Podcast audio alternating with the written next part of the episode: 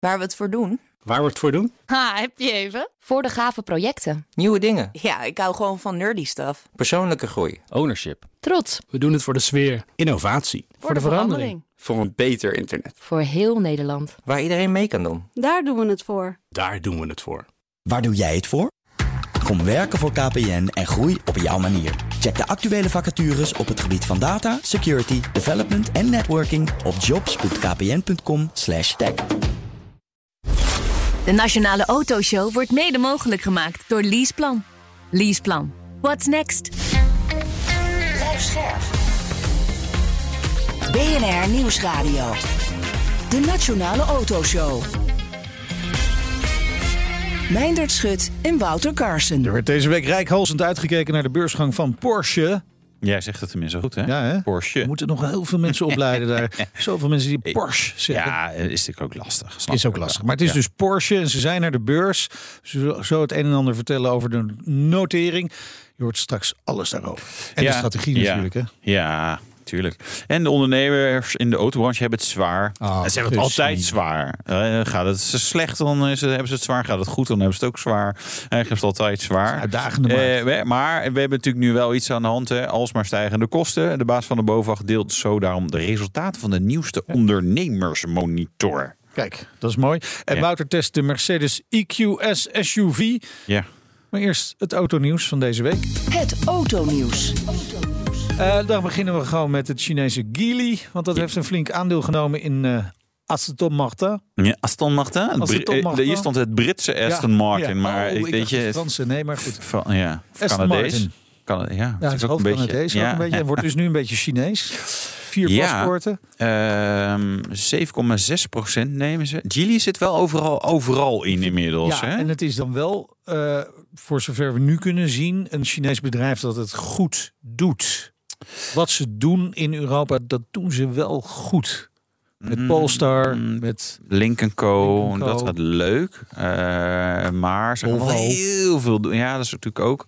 Ja, maar Polestar, Pol, eh, Polestar Volvo, Polestar, Link Co. Ja, dat is allemaal wel een soort van één- eh, ja, een soort één pot Ja, je hoeft hè? niet te verwachten dat Aston Martin de grill van een eh, Volvo gaat krijgen. Nee. Aan de andere kant, eh, Lotus, hè, komt de Elettere, elektrische SUV. Overigens denk ik dat wordt gewoon een verbouwde Volvo EX90, hè, die elektrische Volvo. Eh dan wordt ook één platform. Nou, dat zal de Aston Martin dan ook wel gaan gebruiken.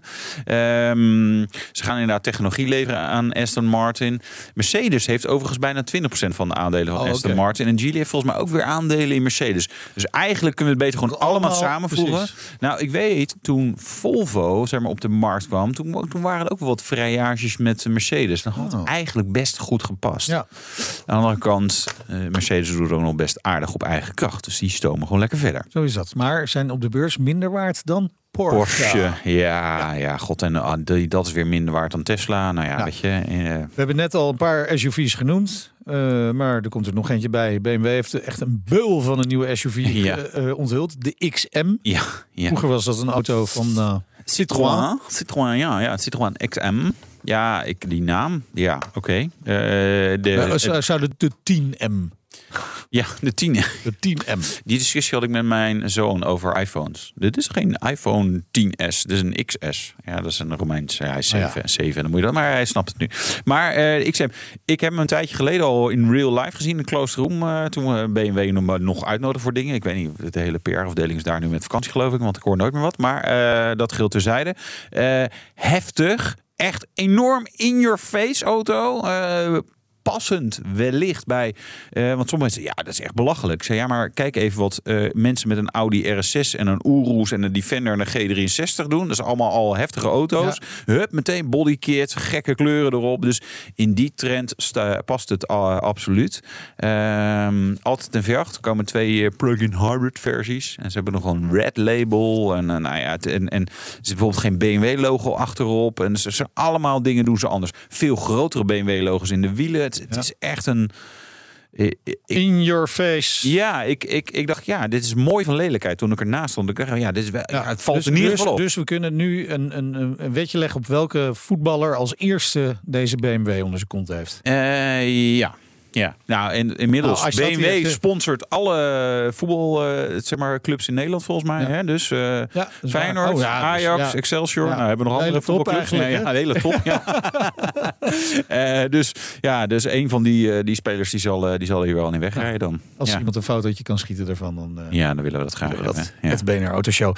Eh goede concurrent voor de Lamborghini Urus. Oeroes, die is ook, eh, er komt ook een nieuwe, de S. Ja. Ja, de S want- en de normale, de standaard. De S wordt eigenlijk de standaard. Want. De, de standaard die gaat eruit. Die gaan Ja, ze niet meer verkopen. ze gewoon weg. Ja. Ja, is dat. Ja, weg de shredder.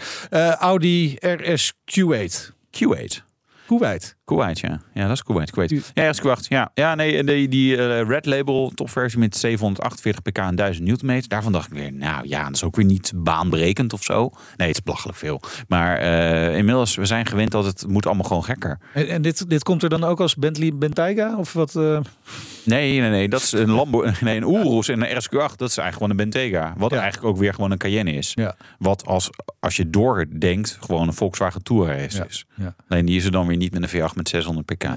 Nee, dus het is een beetje kiezen tussen die vier. De Urus S, S, ja. Audi RSQ8. Q8, RSQ8 en Bentley Bentayga. Ja, Welke zou of, jij kiezen? of een Porsche Cayenne. En ja, dat die heeft ook nog eens Cayenne Coupé. Porsche. Hè? Porsche, Ja. sorry. Zei ik het verkeerd? Ja, oh, straf. Goed, nog heel kort. eh ander nieuws. 1 op de 8 ondernemers vergadert online achter het stuur. Ziet Interpolis. Ja. Hoe vaak doe jij dat? Ja, ik doe het ook wel eens. Je bent ook ondernemer ja, dus. Ja, ja, ja, precies. Nee, ja, weet je, eh, soms van die calls dat je denkt, ja, ik moet er even bij zijn. En, en we hebben ook wel eh, best wel mensen in mijn omgeving die dan weer dingen verplaatsen en zo. Dat ik denk van, jongens, weet je, je plant iets dan, en dan gaat dat dan niet meer lopen schuiven. Dus nee, ja, ik doe dat. Ik zet dan wel de camera uit en ik kijk ook niet op het beeld. Wat vaak ook helemaal niet zo heel boeiend is. Dus je doet telefoongesprek. Ja, eigenlijk, wel met meer mensen. Ja. Ja. dus ja, dan is dat videobellen. Ja, ik- weet je, het is beter om het niet te doen, maar het gebeurt gewoon wel eens, hè? Ja. De Nationale Autoshow. Maar veiligheid staat voorop. Ja, gelukkig mijn eh, autoverzekering loopt er weer niet bij Interpolis. Dat scheelt dan weer. Ondernemers in het hele land hebben, eh, hebben het zwaar. Hè, door alsmaar stijgende kosten. Energierekening eh, voel je overal. En dus ook de autobranche. Over de omvang van die problemen en de gevolgen daarvan praten we met Peter Niesink, directeur van de BOVAG. Welkom. Dankjewel. Fijn dat je er bent. Eh, ja, de ondernemersmonitor van de BOVAG die is eh, weer gepubliceerd deze week. Voornaamste conclusie: hoge energieprijzen nekken ondernemers. Ja, Jullie absoluut. Lang nagedacht over die eh, conclusie. Ja, dat was moeilijk, hè? Die was Ja, dat was echt zoeken ja, naar iets nu deze ja. keer. Nee, ja, het, is, het is echt serieus. Wat we zien is dat bijna 80% van de ondernemers eh, daar echt problemen mee heeft. En eh, Ja. dat is zowel gas als elektrisch. Dus ehm, eh, ja, de, eh, jullie zeiden het net al. eh, het, het is echt even de noodklok nu, want dit is heel serieus. Maar Ja. hoe, hoe groot zijn die problemen dan? Hè? Want we horen natuurlijk van de energie-intensieve bedrijven, ook MKB, de bakkers, de slagers. Dat kan ik me niet zo goed voorstellen bij een autobedrijf. Of, of zie ik dat verkeerd? Ah, het is heel simpel. Loop een werkplaats in die verwarmd wordt. En eh, op het moment dat een auto erin en eruit gaat, gaat die grote deur open. Ah, ja. En je bent al je warmte kwijt. Ja. Eh, dus wat dat betreft, eh, ehm, eh, als je echt naar de, de hele eh, energie-intensieve bedrijven kijkt, dat, dan moet je meer bij ons aan de schadebedrijven, hè, de spuiterijen denken. Eh, hè, de de, de Ja. droogcabines die, eh, Ja, die echt ja. volop draaien. Oh, die draait natuurlijk op het gas. Die draaien op gas. Dat is Ja. serieus veel gasverbruik Ja, waarschijnlijk. ja en, daar, eh, en daar hoor ik nu de eerste signalen bij de schadebedrijven die zeggen: ja, we, kunnen, we moeten het eigenlijk stilleggen, want het is niet meer, eh, niet meer te doen. Je kan gewoon prijzen verhogen, want ja, het wordt gewoon duurder. Ja, dat is- dat is- Energieopslag. Dat zou je denken, alleen eh, je bent daar afhankelijk van de opdrachtgevers, in dit geval de schadeverzekeraars. En nu zijn de schadeverzekeraars dit jaar welwillend geweest om een eerste tegemoetkoming te, te geven, maar die is niet voldoende. Dus wij brengen daar een hele specifieke monitor uit, dat doen we samen met Fokwa. Eh, en daar eh, hopen we dat schadeverzekeraars echt zien dat ze de tarieven moeten verhogen. En, eh, want op dit moment op een, eh, op een gemiddelde schade lopen ze echt eh, 15 tot 20 procent in de min. Ja, daar kun je je business niet van draaien. Dus eh, ik hoor echt ondernemers die zeggen: ja, ik, ik, ik kan eigenlijk geen opdrachten meer aannemen, want ik loop erop leeg. Nee, maar dan doe je dan, dan neem je toch ook gewoon geen opdrachten meer aan? En dan, dan Maar dan heb je dan. ook geen inkomsten meer. En dan heb je geen inkomsten meer, Nee. dan kun je personeel niet betalen. En dan Ja. het, eh, nou ja, dat kon je toch al niet vinden, personeel. Dus dat is. eh, dit lost zichzelf allemaal op.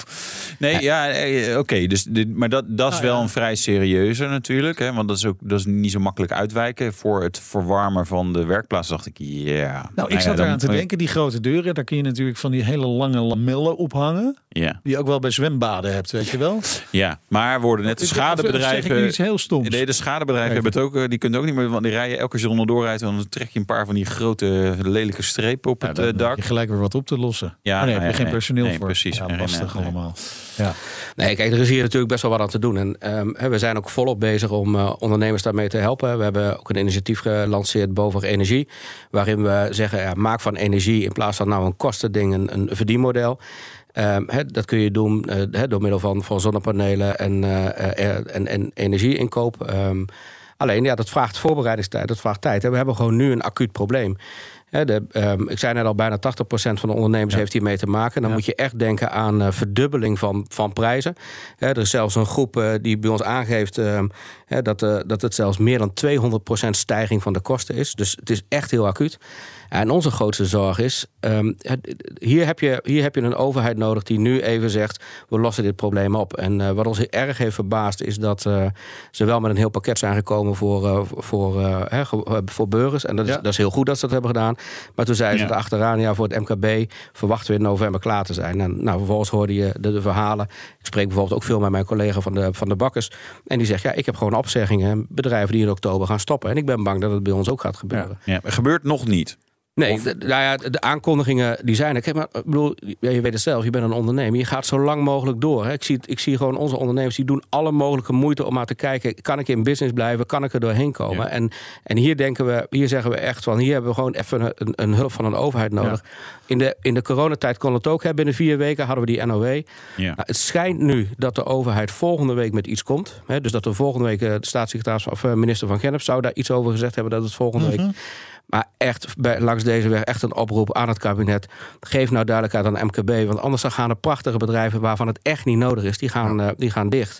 En Ja. dan moeten we dat. Aan de andere kant hoorde ik jou zeggen, ja, BOVAG energie. En eh, ja, ja, ja, nu opeens acuut. Ik denk, ja, hallo. eh, ik heb ook al een paar jaar zonnepanelen op het dak. Waarom, hè, er zullen ook bedrijven zijn die gewoon al zonnepanelen hebben. En die zeggen, ja, ja het stijgt wel. Maar ja, weet je, ik, ik wek ook veel zelf op. Dus Ja. is, is het ook een beetje straf voor de, voor de laggards, zeg maar. De mensen die, die wat langzamer waren. Ja, als die transitie al heel lang bezig zou zijn, dan zou je gelijk hebben. Ik, ik vind dat nog net iets te snel. En dat heeft ook te maken met of je de, de- wel de apparatuur hebt. Hè. Heb je, eh, hè, wat voor verwarmingssysteem heb je? Hè. Is dat makkelijk om te bouwen, ja of nee? Ja. En we zien het bijvoorbeeld bij die schadebedrijven. Er zijn wel infrarood droogcabines. Ja. Ja. Maar ja, dat is, dat is nog redelijk nieuw allemaal. Maar wat en, kost zoiets? ja, dat- dan praat je over een investering van tonnen. Ja.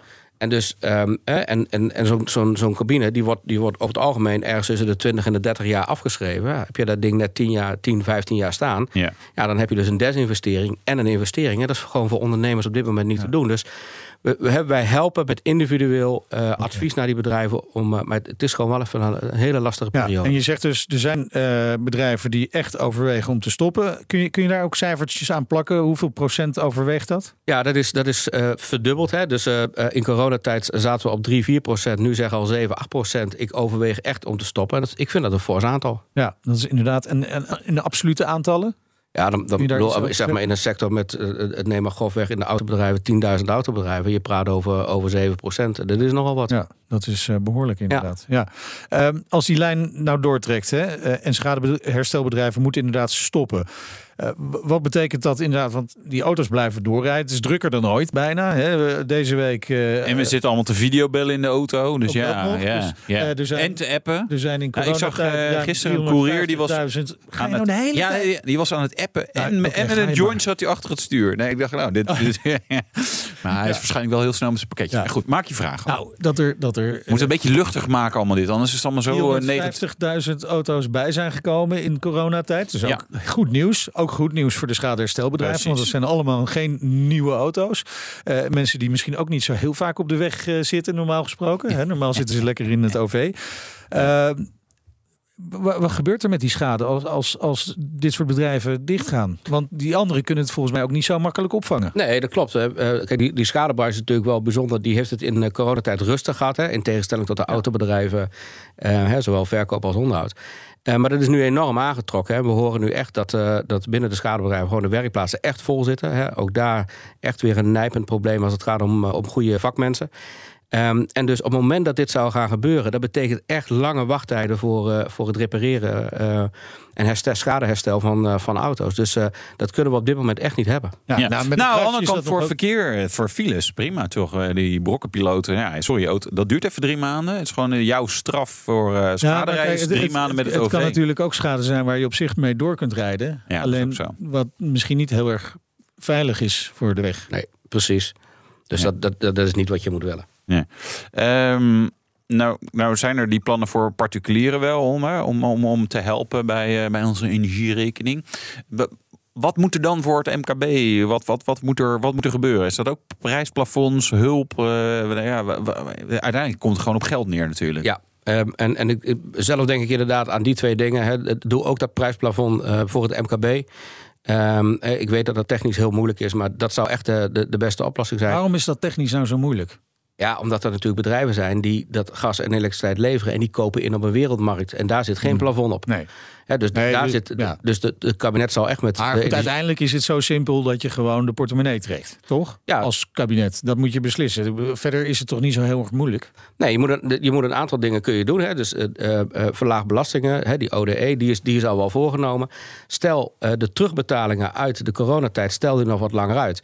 Uh, en en uh, laat RVO een, een, uh, een subsidieregeling, net zoals de NOW dat was, uitvoeren, of hè, de TVL. Ja. Zodat die bedrijven die gewoon kunnen aantonen: um, hè, ik, ik, betaal 200 procent, um, ja. dat die een, een, subsidie krijgen om, om, om dat te overbruggen. Ja, maar ik kan me wel voorstellen dat het kabinet dan ook zegt: Weet je, dat kan, maar we willen er wel iets voor terug.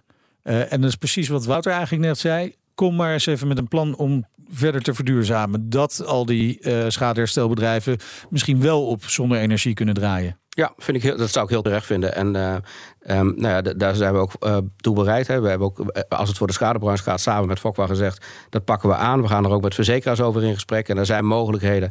Dan moet je afspraken maken over hoe je met die desinvestering omgaat. Maar dan kun je versneld hè, bijvoorbeeld die droogcabines vervangen. Um, en voor, hè, voor, voor werkplaatsen, autobedrijven, ja, daar zou je, zou je, wat ik net al zei, we zorgen dat er veel meer zonnepanelen komen te liggen. Dat er verwarmingssystemen komen met, met warmtepompen in plaats van op gas. Dus dat moet je nu versneld gaan doen. En, en ik, zou dat, ik zou dat heel reëel vinden als het kabinet dat verlangt. Ja. Maar aan de andere kant zou je kunnen zeggen, ja, showroom moet je die verwarmen. Weet je, ja, als het min 10 is, dan wordt het wel heel fris. gaan zitten, ja, je? gewoon met, meteen tekenen. En dan, rennen wij even met het blaadje, anders wordt niet droog. Nee, maar bedoel, ja, ik, ik zei, s ochtends hadden wij altijd de verwarming, ging altijd om 6 uur lekker aan. Was de vloerverwarming heerlijk warm beneden en een badkamer iets warmer. Ja, nu doe ik dat nog even niet. Ja, dat zijn keuzes. Dus volgens mij niet zo gek, toch? Natuurlijk. Nee, en, en er zijn al lang, eh, ondernemers doen dat al lang. Hè. Je, hoe waar je scherp kunt zijn op uh, uh, hoe hoog die thermostaat staat of wanneer die aangaat. Ja, dat, dat, dat gebeurt al lang. En dat, ja. is, dat is ook terecht. En je kunt er natuurlijk ook met je medewerkers over praten. Eh, hoe doen we dat hier in deze werkplaatsen? En eh, wat vinden jullie? En, en natuurlijk zijn dat soort maatregelen te nemen. Ja. En, maar helpt dat dan genoeg om, om, om te zeggen, ja, voor ja, gewoon een eh, gemiddelde dealer hoeven dan niet heel veel te doen in die energietoeslag? Of, of wordt er stiekem nog heel veel stroom gebruikt voor echte werkzaamheden? Nou, ik, als, ik, als ik hoor dat, dat een, uh, van, een, zeg maar, van een gemiddelde dealerholding, als je, als je daar praat over uh, zeg maar energiekosten van uh, boven een miljoen, ja. en daar komt een miljoen bij. Ja. Hè, omdat, omdat het verdubbelt, of het gaat zelfs nog naar meer. Dat, ik vind dat wel. Dat, Volgens mij is dat net even iets te veel om te zeggen. We, we trekken een trui aan en uh, we doen de thermostaat wat lager. Het is geen nieuwe boot voor de DGA volgend jaar. Dat, dat in ieder geval Nee. niet. Nou, nou wordt er heel erg eh, gekeken naar eh, eh, de overheid, naar het kabinet. Hè, maar eh, je zou ook een appel kunnen doen op verzekeraars en leasemaatschappijen. Dat, dat zijn toch partijen, zeker de leasemaatschappijen, hebben langlopende contracten met schadeherstelbedrijven. Zouden zij iets kunnen doen om het makkelijker te maken? Ja, absoluut. Dat hebben we, eh, wat we hebben gedaan voor hen is eh, dit echt in kaart brengen. Dus samen met een onderzoeksbureau brengen we elke twee, drie maanden een monitor uit... waar we precies laten zien wat die kosten zijn. Dat reiken we aan aan de schadeverzekeraars... zodat zij daar rekening mee kunnen houden. Ehm, hè, wij doen niet de onderhandelingen, maar eh, we kunnen ze wel van die informatie eh, voorzien. Dus dat is wat ze doen. Ja, schadeverzekeraars en leasemaatschappijen kunnen, kunnen hier echt iets in betekenen. Dus eh, we hebben hen dat ook gevraagd. Maar ook bijvoorbeeld, ehm, ehm, dat gaat over schade, maar ook gewoon over de normale onderhoud. Leasemaatschappij, als het gaat over de normale onderhoud. Ook daar moeten afspraken worden gemaakt dat dat tegen andere uh, tarieven gaat. Dus uh, ook die oproep hebben wij naar de leasemaatschappij. Maar, maar uh, andere tarieven? Of zou je ook kunnen zeggen van goh, dit, dat onderhoud van die leaseauto's, want dat zijn vaak jonge auto's natuurlijk, over het algemeen. dat, dat zou misschien ook wel wat naar achter verschoven kunnen worden. Nou, over het algemeen is dat al lang gebeurd. Hè? Bedoel, als je kijkt naar die onderhoudsintervallen, um, dan, dan is dat niet zoveel. Maar het, het gaat over het moment dat die komt ja, welk uurtarief staat daar tegenover? Hè? Welke kosten kunnen daarin doorbelast worden? Dus... Ja, aan de andere kant, uh, Peter denkt dan nu... ja, het is weer de bovenwacht die klaagt. Leasemaatschappij heeft het gedaan. Jullie hebben twee gouden jaren volgens mij. Want uh, rendementen allemaal door het dak. En toch, de auto's die werden duurder. Maar weet je, marges allemaal goed. Dus denk ik, ja, ja soms, soms is het even de FT. Even energie vind ik een heel ander ding. Maar de rest denk ik, ja, nou ja, gewoon... ja, dat is ondernemersrisico. De ene keer gaat het wel beter dan de andere keer. Ja, dat, is een fair point. Um, uh, maar wij, hè, wij pleiten echt voor een oplossing van het energiestuk. Die is buiten proportioneel. Hè. Um, dus daar moet je wat aan doen. Uh, maar voor de andere zaken, hè, we hebben ook te maken met verhoogde personeelskosten hè, en met, met krapte. En, uh, en dat zijn dingen, daarvan zou je inderdaad kunnen zeggen, dat zit in het ondernemersrisico. Ja. En dan heb je goede jaren en minder goede jaren. Hè, maar uh, wij brengen dit vandaag naar buiten omdat we ja. zeggen, dat energieprobleem, hè, een stijging van, van 100% of zelfs tot 200%, ja, dat is echt niet binnen ondernemersrisico op te vangen. Nee, nee. nee dat, klopt.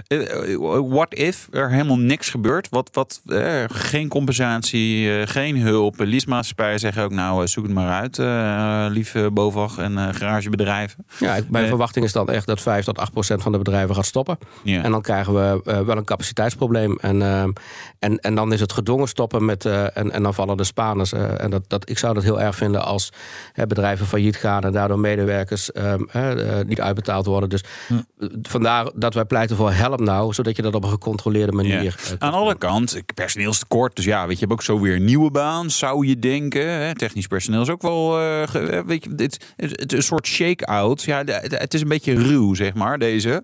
Uh, maar ja, je kan erover pleiten. Ja, ja, nou ja, dat, dat hoort er nou ook helemaal een beetje bij.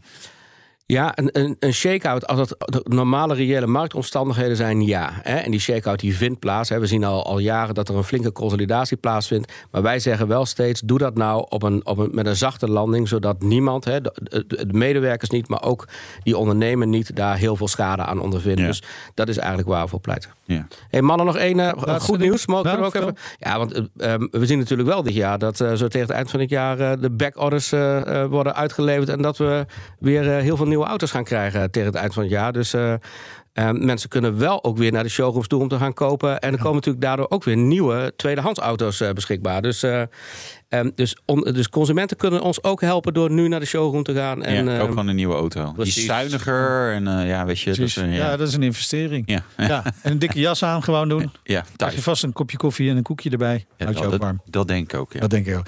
Dankjewel, Peter Niesink, directeur van de BOVAG. En fijn dat we het zo positief konden afsluiten. Maar er moet natuurlijk wel wat gebeuren.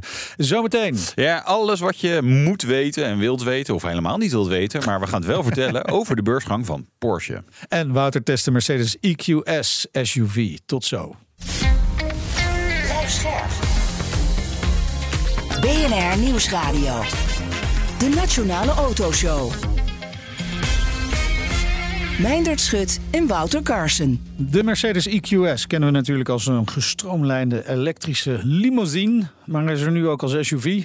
Jij mocht even lekker uh, ermee rausen. Ja. Ja. Door de Rocky Mountains. Door de Rocky Mountains. Oh, dat is een natuurlijke habitat. Uh, ja, ja, qua formaat wel. Nee, qua formaat wel een auto die daar wel past. Ja, ja. En overal laadpalen natuurlijk, daar in de Rocky Mountains. Super lekker. Mm, ja, ook wel. Ja, sommige plekken. Goede range, hè? Dan maakt het allemaal niks uh, uit. Precies. Ja, maar de, ja, de, dat andere bedrijf uit Frankfurt, dat Ja. pakte zeg maar alle. Frankfurt, Stuttgart, maar ze gingen naar de beurs in Frankfurt. Eh, die pakte alle aandacht natuurlijk eigenlijk deze week. Hè. De beursgang van Porsche. Ja, lang verwachte notering eh, aan die beurs in Frankfurt. Ja, dus. het is zover. En iemand die daar eh, alles over weet is Jean-Paul van Oudheusden, marktanalist bij eh, eToro, een broker. Welkom, leuk dat je er bent. Ja. Eh, even beginnen maar met eh, de benaming broker. Niet iedereen zal weten wat een broker doet. Wat doen jullie? Uh, het verwerken van beleggingstransacties van uh, particulieren. Nou, Kijk. Dat is allemaal Porsche-rijders bij jullie klanten. Valt mee? Of tegen? Nou ja, een van de redenen. Of wannabe Porsche rijders, dat kan ook dat, nog, hè? dat sowieso. Ja. Ja, een van de redenen die te staan is dat je wel altijd kijkt als je naar de top 5 kijkt van meest verhandelde aandelen. Er staat eigenlijk altijd Tesla en NIO staan Ja. er altijd in. Dus ja, vandaar dat er ook eh, aandacht uitgaat naar Porsche. Ja.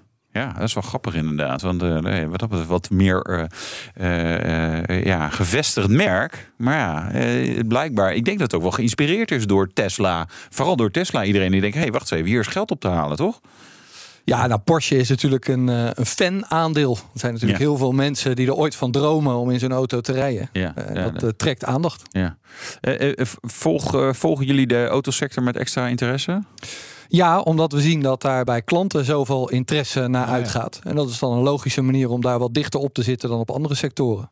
Ja, nou, we merkten ook wel dat echt iedereen er aandacht voor had. Hè, voor die eh, beursgang van Porsche. En na maanden voorbereiding ging het dan echt gebeuren deze week. Meine Damen und Herren, ich bitte um Ihre Aufmerksamkeit. Erster Preis für die Porsche AG ist 84 Euro. Herzlichen Glückwunsch zum Listing in Frankfurt. Ja, das Glockenläuten. Porsche AG ist wieder an der Börse. En dat aandeel, ik had nog even gekeken wat gebeurt er nou eigenlijk met het aandeel. En ik zag dat hij heel hard omlaag was gegaan. Ja, daar staat andere Porsche. Ja, en wel verwarrend hoor. zo, nogal. Maar dat is misschien ook wel een leuke om, om, Maar- om over te hebben. Precies, maar, maar het Porsche aandeel dat dus donderdag naar de beurs is gegaan, P 9. 911. Ja, een mooie leuk, titel. Dus eigenlijk Ja. is het gewoon ongeveer stabiel gebleven. Toch? Je hebt ook nog even gekeken, Paul? Jean-Paul? Ja, dat klopt. En dat zie je vaak bij zo'n beursgang. Dat er toch eh, banken omheen zijn die het begeleiden. Dat is natuurlijk niet fijn als het meteen de eerste dag heel hard naar beneden gaat. Ja. Ze hopen natuurlijk wel dat het omhoog gaat, maar daar is de beurs niet naar. Dus het bleef netjes een beetje gelijk. Ja, maar dat wordt dan wel geholpen door de bank of is het uit zichzelf ongeveer gelijk gebleven? Nee, dat wordt wel geholpen. Oh, Ze hebben altijd nog wat aandelen achter de hand. Waarvan Ja. ze kijken of ze die ook nog kunnen plaatsen op de koers die ze hebben afgesproken. hè. Was Ja. 82,50. Nou, ze kregen dat niet veel verder omhoog. Maar dat het hier een beetje blijft hangen. Dat zal je nog wel... eh, ja, het is logisch om dat in het begin even te zien. ik werd in ieder geval op gewezen door eh, vaste volger Joe Malin. Dankjewel. We altijd goed op ons scherp te houden. Hè? Ja, Blijf eh, scherp. zeker. Eh, financiële wereld werd er een beetje uitgekeken naar het moment, die beursgang van Porsche. Ja, toch wel. Eh, want dit jaar is het maar heel erg dun bezaaid hoeveel bedrijven dat er naar de beurs Ja. komen. Het klimaat is heel erg slecht. Dus we hebben natuurlijk in Nederland ook wel bijvoorbeeld eh, Coolblue en Bol.com en dat soort dingen gingen allemaal niet door. Nee. Leaseplan. Maar Zou Nee. ook naar de beurs gaan. Porsche die heeft gezegd, ja, wij doen het toch. Ja. En dan kijkt toch iedereen ernaar van wordt het een succes of niet.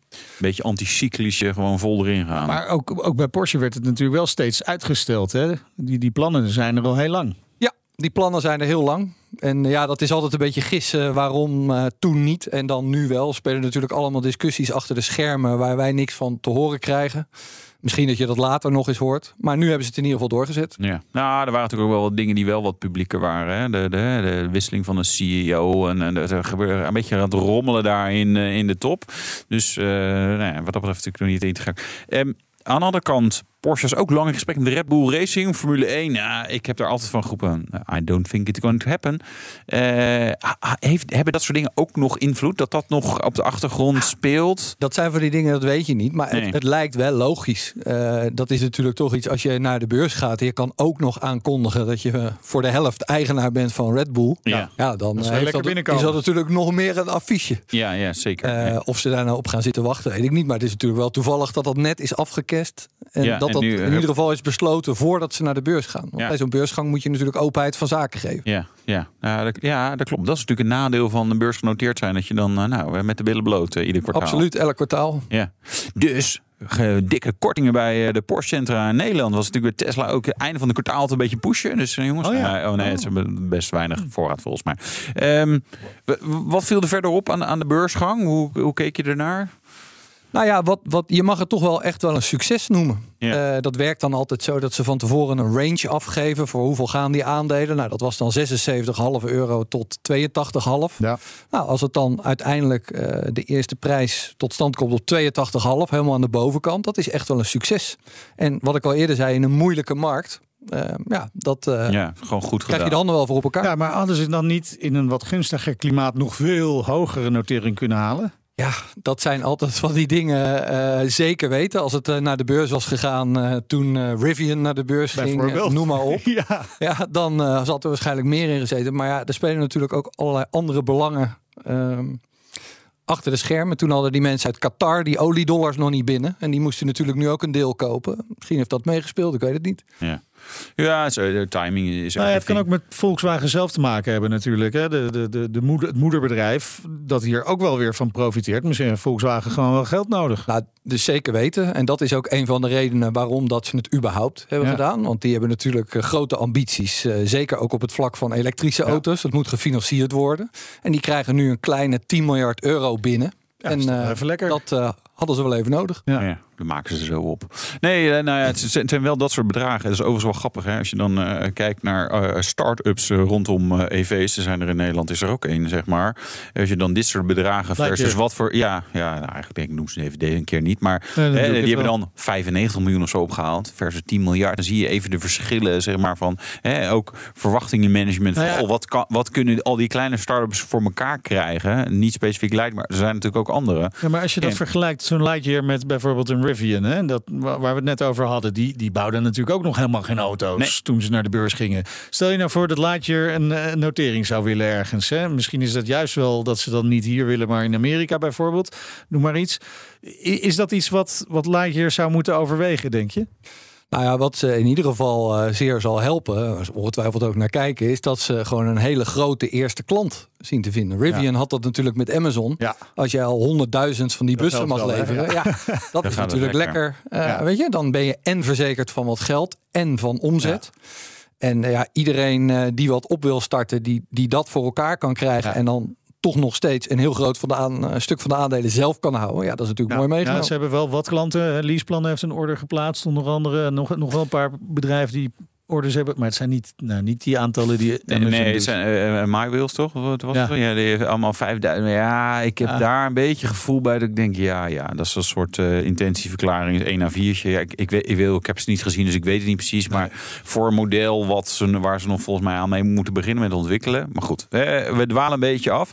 Ehm, als we kijken naar de sportieve luxe merken, zeg maar echt, nou ja, de, de, auto's die wij allemaal normaal gesproken niet kunnen kopen.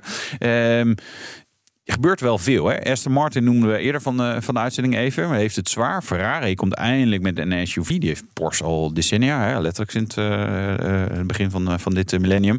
Moet Porsche vooruitstrevend blijven om een succes te worden op de beurs?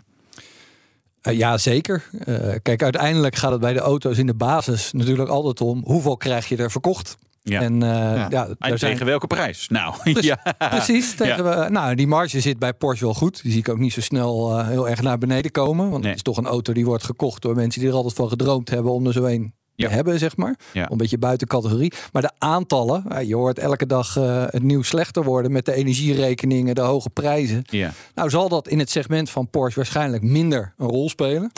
Eerder misschien nog met die hoge inflatie dat mensen denken, nou laat ik het er maar voor neerleggen, want dan Ja. kan ik in ieder geval rondrijden. Dan zie ik het niet minder waard worden op dingen. Maar dat blijft natuurlijk wel nog de uitdaging. Ja, ja. gewoon een Maar- volume te maken. Maar ja, precies. Want een volume maken, dan denk je ook gelijk bijvoorbeeld aan een land als China. En daar verkoopt Porsche gewoon nog niet zo heel veel auto's.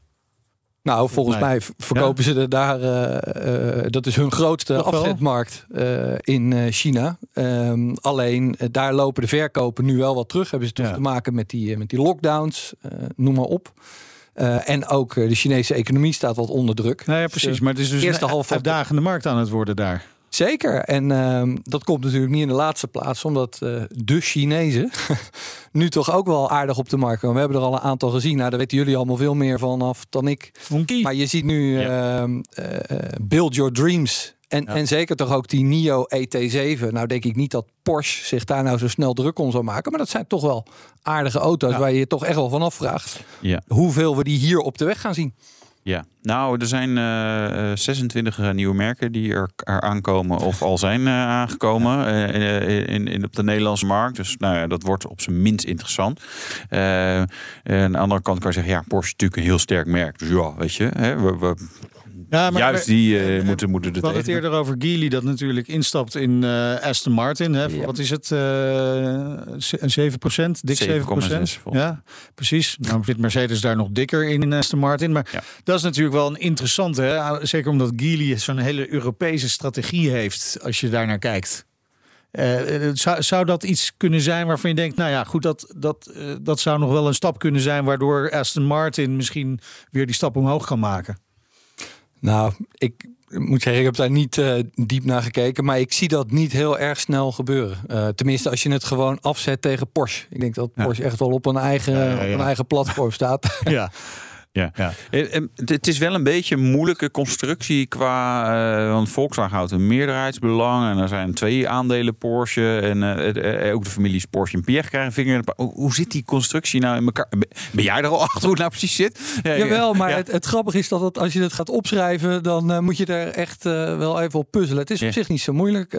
dus Volkswagen houdt 75% belang in Porsche. De, de auto's zeg maar. Ja. En de uh, familie die uh, houdt een uh, belang van 25% plus één aandeel.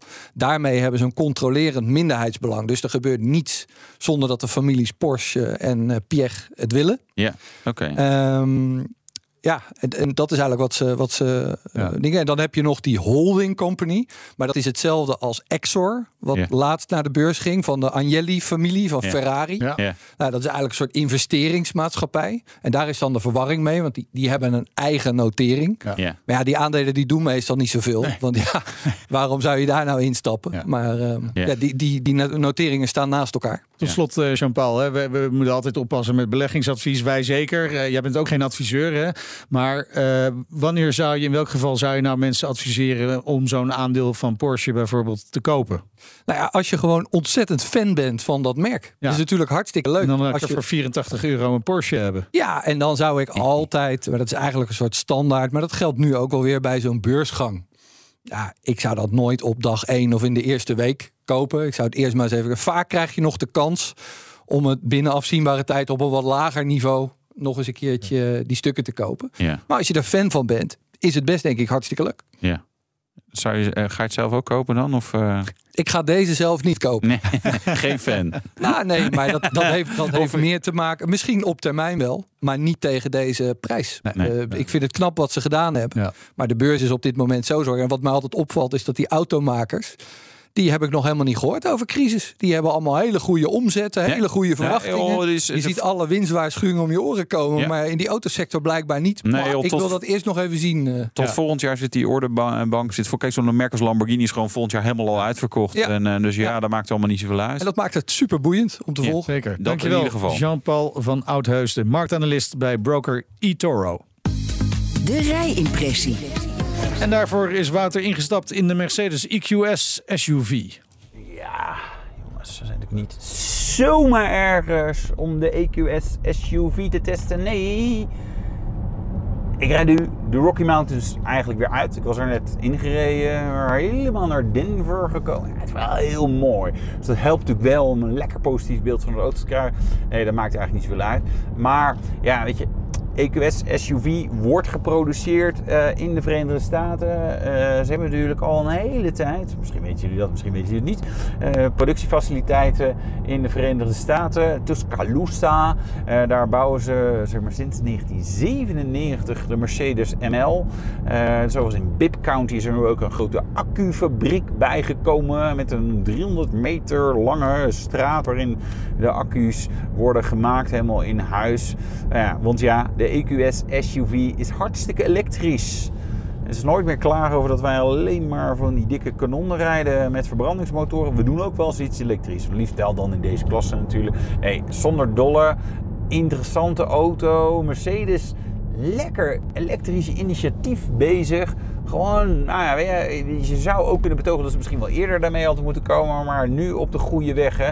Naast EQA, EQB, EQC ook de EQE en EQS. En waarom noem ik die twee als laatste? Omdat ja, de EQS SUV, je verwacht het niet, maar die gebruikt hetzelfde technische platform. Nou weten we van de EQS, of zou je kunnen weten, dat het ja, qua elektrisch platform gewoon een interessante is hele grote accu eh, en daarmee ook een behoorlijk grote elektrische actieradius. 107,8 kilowattuur accupakket. Ehm, voor de EQS SUV tot 660 kilometer actieradius. Het is een beetje afhankelijk van welke versie en met name hoe brede banden et cetera je kiest. Maar dat is gewoon echt, echt heel lekker. Eh, de lage EQS, hè, de limousine, haalt nog ietsjes meer. Maar dit is gewoon ja, dikke prima. Maar dan ga je in de praktijk, uh, ja, 400, 500 kilometer. Is niet heel gek om dat te kunnen halen. Er komen drie varianten in eerste instantie. En later ongetwijfeld uh, nog een paar andere. Ja, van dik tot nog dikker tot het allerdikst. Misschien is dat wel een aardige uh, omschrijving. Het begint bij de 450 plus 360 pk, 568 Nm aan koppel.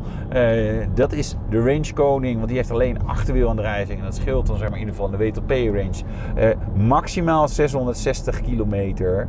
Um, Diezelfde auto is er ook met 4MATIC. Dat heette de EQS 450 4MATIC. Dus die vreemd genoeg de plus even kwijt in die aanduiding. Waarom dat is, nobody knows. Nou ja, bij Mercedes weet het waarschijnlijk wel, maar ik weet het in ieder geval niet. Um, dan gaat hij vreemd genoeg ietsje langzamer naar de 100. Terwijl hij het wel hetzelfde vermogen heeft, maar en meer koppels. We gaan naar rechts. 800 Nm, 360 pk, 6,7 seconden naar de 100. Ja, gewoon, hij rijdt gewoon prima. Eh, en dan hebben we de, daddy of them all, de auto waar ik nu in zit.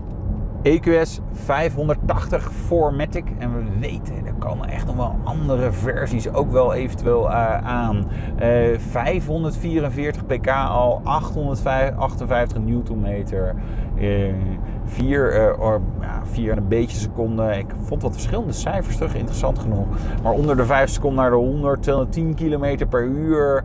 een range van maximaal 613 kilometer. Ook dat is gewoon wel weer goed. Maar ja, EQS SUV versus EQS limousine. Ja, daar zit natuurlijk het verschil. De wielbasis is hetzelfde. Maar de EQS SUV is vooral wat groter, eh, wat hoger moet ik dan zeggen. 20 centimeter hoger. Ziet er daarmee wat normaler uit. Waarbij ik vind persoonlijk de EQS limousine echt wel geinig. Uh, een mooie stroomlijn. Even wennen misschien een beetje, beetje qua styling en zo. Maar dat is niet helemaal wat je misschien bij een Mercedes verwacht. Hè. Dat is altijd een nieuwe auto, een elektrische auto wat lastig. Maar de EQS SUV, ja, ik denk dat de meeste mensen gewoon zo zeggen... Ah, dit is gewoon wel, gewoon wel oké zo. Hè. Dit ziet er gewoon uit als een SUV en is toevallig elektrisch. Met die 20 centimeter extra hoogte uh, en een daklijn die verder naar achteren doorloopt, er komen er wat aardige dingen in beeld. Bijvoorbeeld twee extra zitplaatsen, de bagageruimte, 645 liter in zeg maar, de lekkerste stand voor je rug, of 880 liter als je hem helemaal naar voren hebt geschoven. En dat zijn 24 kratten mineraalwater. Ik denk dat dat eigenlijk 24 kratten bier moeten zijn, maar dat ze dat niet wilden schrijven in het persbericht. Uh, of vier golftassen. Nou ja, eh, voor de golfers onder jullie, dat is waarschijnlijk super belangrijk. En als je die optionele derde zitrij hebt uh, en je klapt die dan op, uh, of open eigenlijk, zo moet ik het zeggen. En dan heb je alsnog 195 liter bagage over. Niet superveel om met z'n zeven op vakantie te gaan? Nee, dat zeker niet.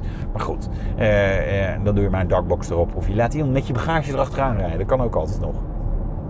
De Mercedes EQS SUV in Colorado gereden. Ja, lekker. Ja, moeite van de vlucht waard? Ja, ja, ja, weet je. Ik was nog nooit in de Rocky Mountains geweest, dus die vinken we ook af. Nee, okay, maar het is interessant. Oh, kijk, Mercedes is wel, wel grappig. Het voelt als een beetje achterliepen qua elektrificatie. En dan nu, hè, dit is natuurlijk allemaal hetzelfde platform. EQE, EQS, EQS SUV. En ja, de EQE SUV is ook aangekondigd. Ja. En uh, ik mag er nog niks over vertellen, maar ik heb hem wel gezien. nee, uh, echt interessante auto. En ik denk, ja, nee, die doen gewoon gave dingen. Dat het gewoon in één keer gewoon heel goed neerzetten. Ja, ja gewoon woppakee. Uh, de, de kleinere modellen denk ik nog wel van, hmm, daar moeten ze wat meer doen. Maar dit is, ja... Dit is gewoon succes. Ja, dit doen ze goed. Dit doen ze goed. Dit is een hele grote auto. Dus ik weet ja. niet of dit in Nederland super hard gaat lopen. Aan de andere kant, ja, zeven zitter en gewoon in alle luxe. Ja. Er is vast een markt. Ja, vanaf 120.000 euro. Snel zeggen ze niks, hè? Nee. 120, daar was ik gestopt. Ja, precies. Ja, dat snap ik. Dit was de Nationale Autoshow. Autoshow. Terugluisteren kan via onze site, via onze app, maar ook via elk podcastplatform dat je maar kunt bedenken. Ja, is gewoon gratis. Hè? Zo is dat. Je niet voor te betalen. Nee. Moet je wel even abonneren natuurlijk. Volg ons Twitter, Facebook, Instagram, LinkedIn. Overal waar we te vinden zijn. Ik ben Meijnerd Schut. En ik ben Wouter Karsen. Tot volgende week. Doei. De Nationale Autoshow wordt mede mogelijk gemaakt door Leaseplan. Leaseplan. What's next? Ook Harm Edens vind je in de BNR-app. Je kunt BNR Duurzaam niet alleen live luisteren in de app, maar ook terugluisteren als podcast, zoals al onze podcasts. En naast dat de BNR-app Breaking News meldt, houden we je ook op de hoogte van het laatste zakelijke nieuws. Download nu de gratis BNR-app en blijf scherp.